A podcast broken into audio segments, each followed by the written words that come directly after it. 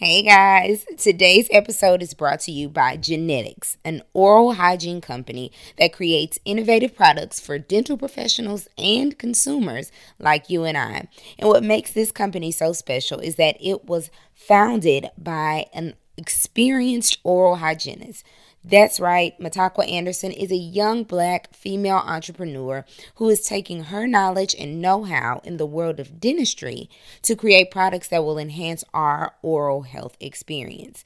Now, Gienetix has released its very first product in their product line, which is the Genius toothbrush. And what I really love about this and what's really special and unique about it is that it has soft bristles on the outside and medium to firm bristles on the inside of the toothbrush, which are charcoal based. Also, we care about the the environment and we want to see it thrive and do our part, right? So it's made of bamboo. So we're getting away from the plastics. It's made of bamboo and it's really unlike any other toothbrush that's on the market now. I personally have purchased four toothbrushes. That's no lie. I bought four of them. I wanted to have a stash on hand for myself whenever I ran out of one. Currently use I use one every day, twice a day, and I really feel um, just how clean my mouth feels after using it. It has the, I love the fact that it has the soft and the firm bristles.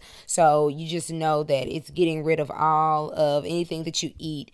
And it really just makes for a great brushing experience. So to get your toothbrush and to support um, the Gienetix brand, which we all should do, you can get yours at gienetix.com. If you go to Gienetix, which is www.gienetix.com, you can go right to the shop now button and it'll take you to the product line. I'll have the website in the show notes, so don't you worry. We want to get you straight there. But again, thanks to our sponsors and get you some thing for your, you know, oral health before the year is over with. You know, we're going to start 2020 with the best oral hygiene possible. Now let's get into the show.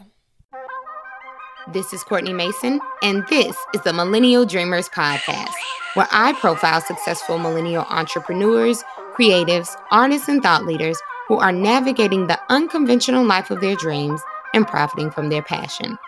I also share inspiration and career tips to help you take the leap of faith and go after your dreams.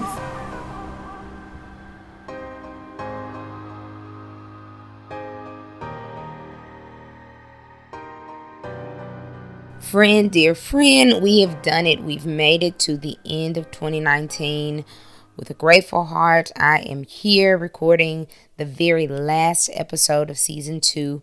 Um, essentially, season two was the entire year. I did not take um, a period off in the year from recording like I thought I might, but that was just because I started to get so many great interviews and people that I wanted to talk to and share their stories with you. And so it just kind of continued to roll. But I decided that I wanted to jump on for a quick episode to close out the year and basically just to talk about reflections of from the year that we can use to take and make, you know, ourselves I guess get a jump start on 2020 and really just prepare ourselves before the new year gets here.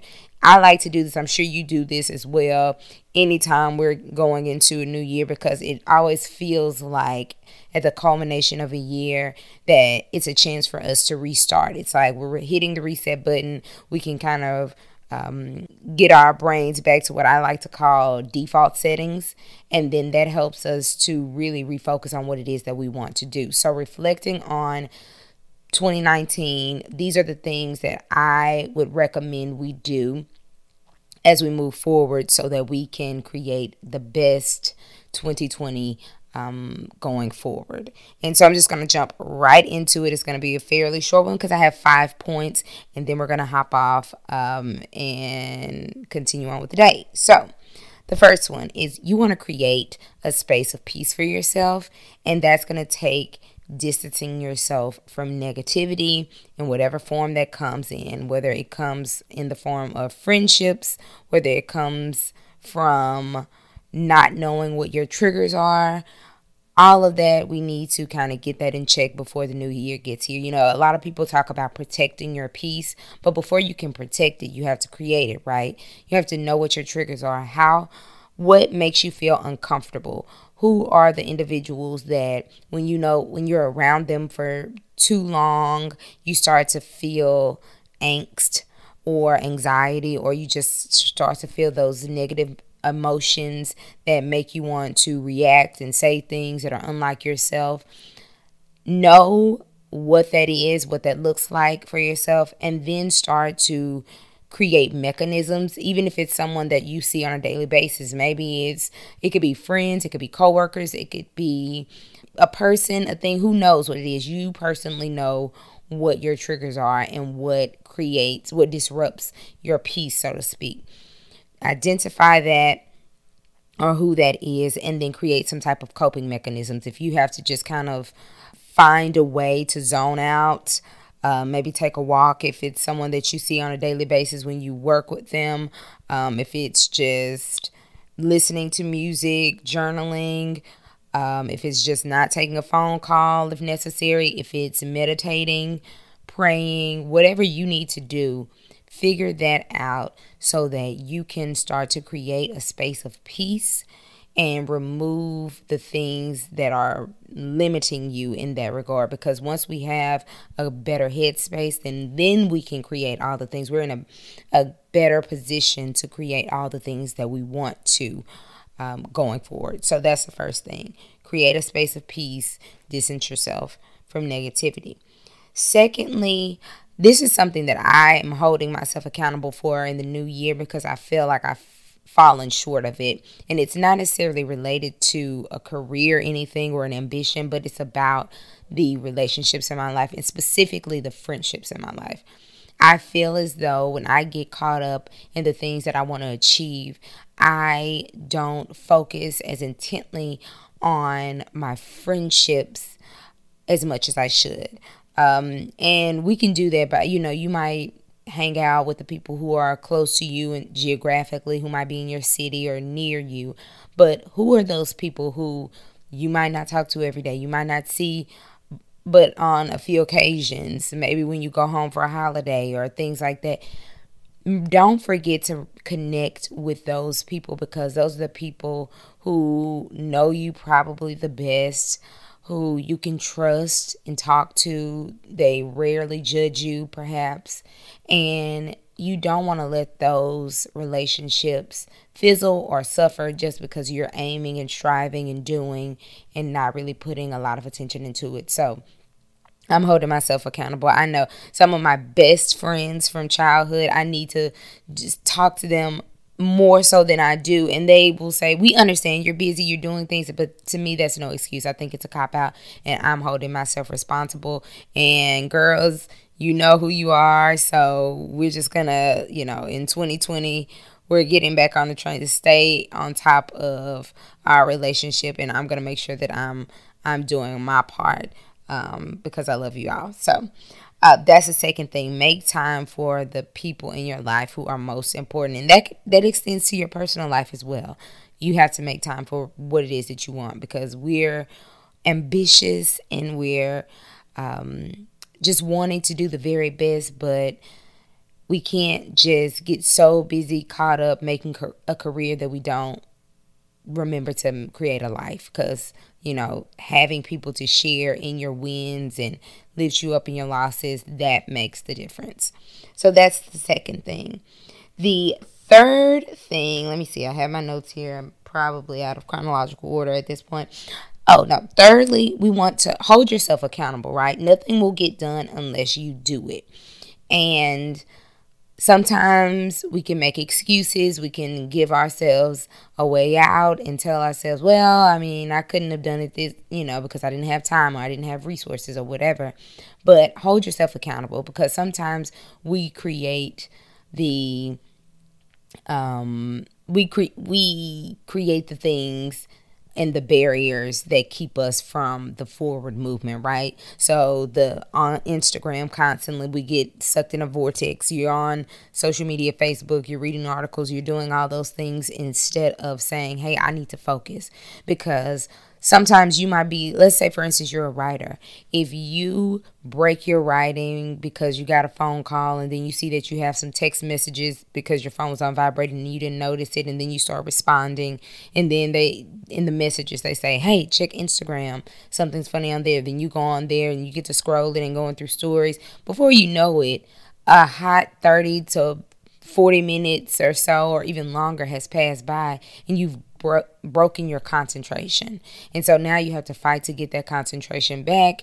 And it just inhibits our um, progress. So holding ourselves accountable for staying on top of it, being focused, doing what it is that we need to do, and not being lazy, not procrastinating. I'm even looking at myself because I've I have a, an entire episode you can go back and listen to it. It's called Confessions of a Master Procrastinator, where I talk about my challenge with procrastination and how I'm constantly trying to tackle that um, at every turn. So and stay on top of it so that I can be productive. So hold yourself accountable and make sure that you're doing the things that you need to get done.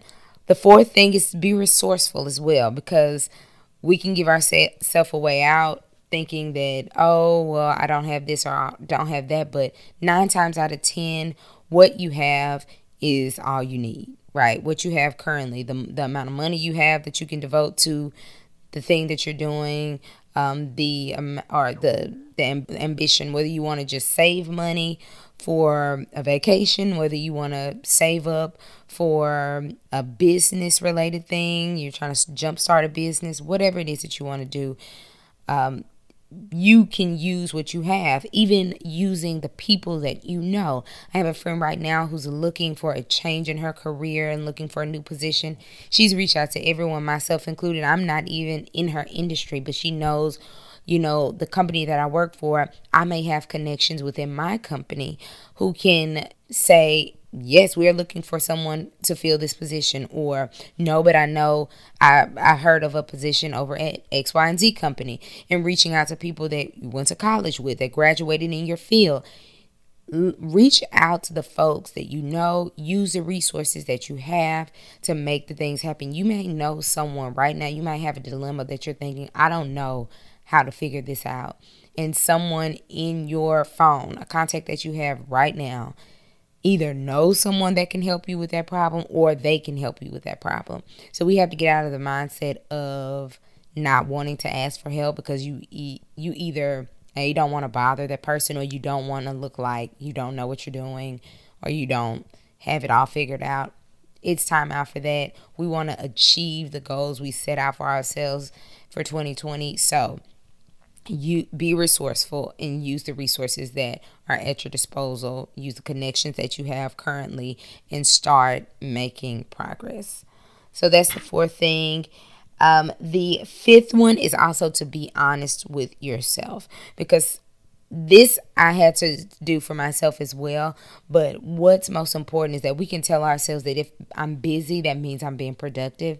And that's not necessarily the case because we can be working really hard day, to, day in and day out and going nowhere. Like you think you're on a track running miles, like running a marathon, but you're really on a treadmill and you're really not going anywhere, but you're doing all the things that you believe in your mind are helping you to get closer. But when you really look at, you know, the bottom line, essentially, there is not enough forward movement. There's not enough progress to show for the late nights and the early mornings um, and it might just require a pivot because sometimes we put in a lot of work and that work pays off in a big way. It doesn't mean that it's a waste of time because any effort that you're putting forward towards something that you want to do is helpful. Why? Because it means that you're moving forward, you're doing the things, but we don't want to get burnt out because you can just continue to go and go and go. And if you're not making any progress, then that it becomes frustrating and then it makes it's reason for you to say, you know what, I'm going to quit because it obviously isn't a worthwhile endeavor. When in actuality, you just might not be doing the things that can get you where you want to go. So be honest with yourself. Are you seeing um, any movement in the things that you're doing, any progress um, in whatever capacity that you feel that you should see some progress and make the necessary shifts. But also, the last thing, and this is a bonus one, give yourself some grace. We get into the habit of comparing ourselves to everyone else. I've done an episode this year on imposter syndrome and looking to our left and our right at people who could be our friends, people who could, mm, you know, be folks that we graduated with or we just know in passing, and we compare our stories to theirs when in actuality, we don't know what they've had to go through to get where they are. And so, what we have to do is give ourselves the grace to know that we're running only our own race. That's the only one we need to be focused on. I can't do what anyone else is doing. I can only worry about what Courtney sets out to do, what I believe I'm going to achieve in my vision forward. And you have to do the same for yourself. And understand that it's fine. If you didn't get everything you wanted to get done in 2019, that's fine. You don't even have to have a master plan for 2020 already drafted and ready to go. Sometimes it just takes these reflections to think back on things to help you get to that point. So give yourself some grace and understanding and know that we're doing the best that we can do and we're just going to keep moving forward. And with a little more focus and intention for the new year. So, thank you all for rocking with me. I'm so looking forward to the new year and um, I just hope that you continue on with me. I appreciate your listening ear and I appreciate you for engaging and recommending and all the things that you do to help this podcast continue to move forward. So, peace and love and blessings to you and Peace until the new year. Bye.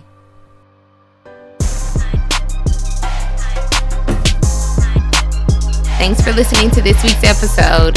But before you leave, hit the subscribe button and leave a comment. We want to know what you think about the episodes that you've heard so far. Let us know by subscribing and leaving a comment. And again, thank you for tuning in. We'll talk soon. Peace.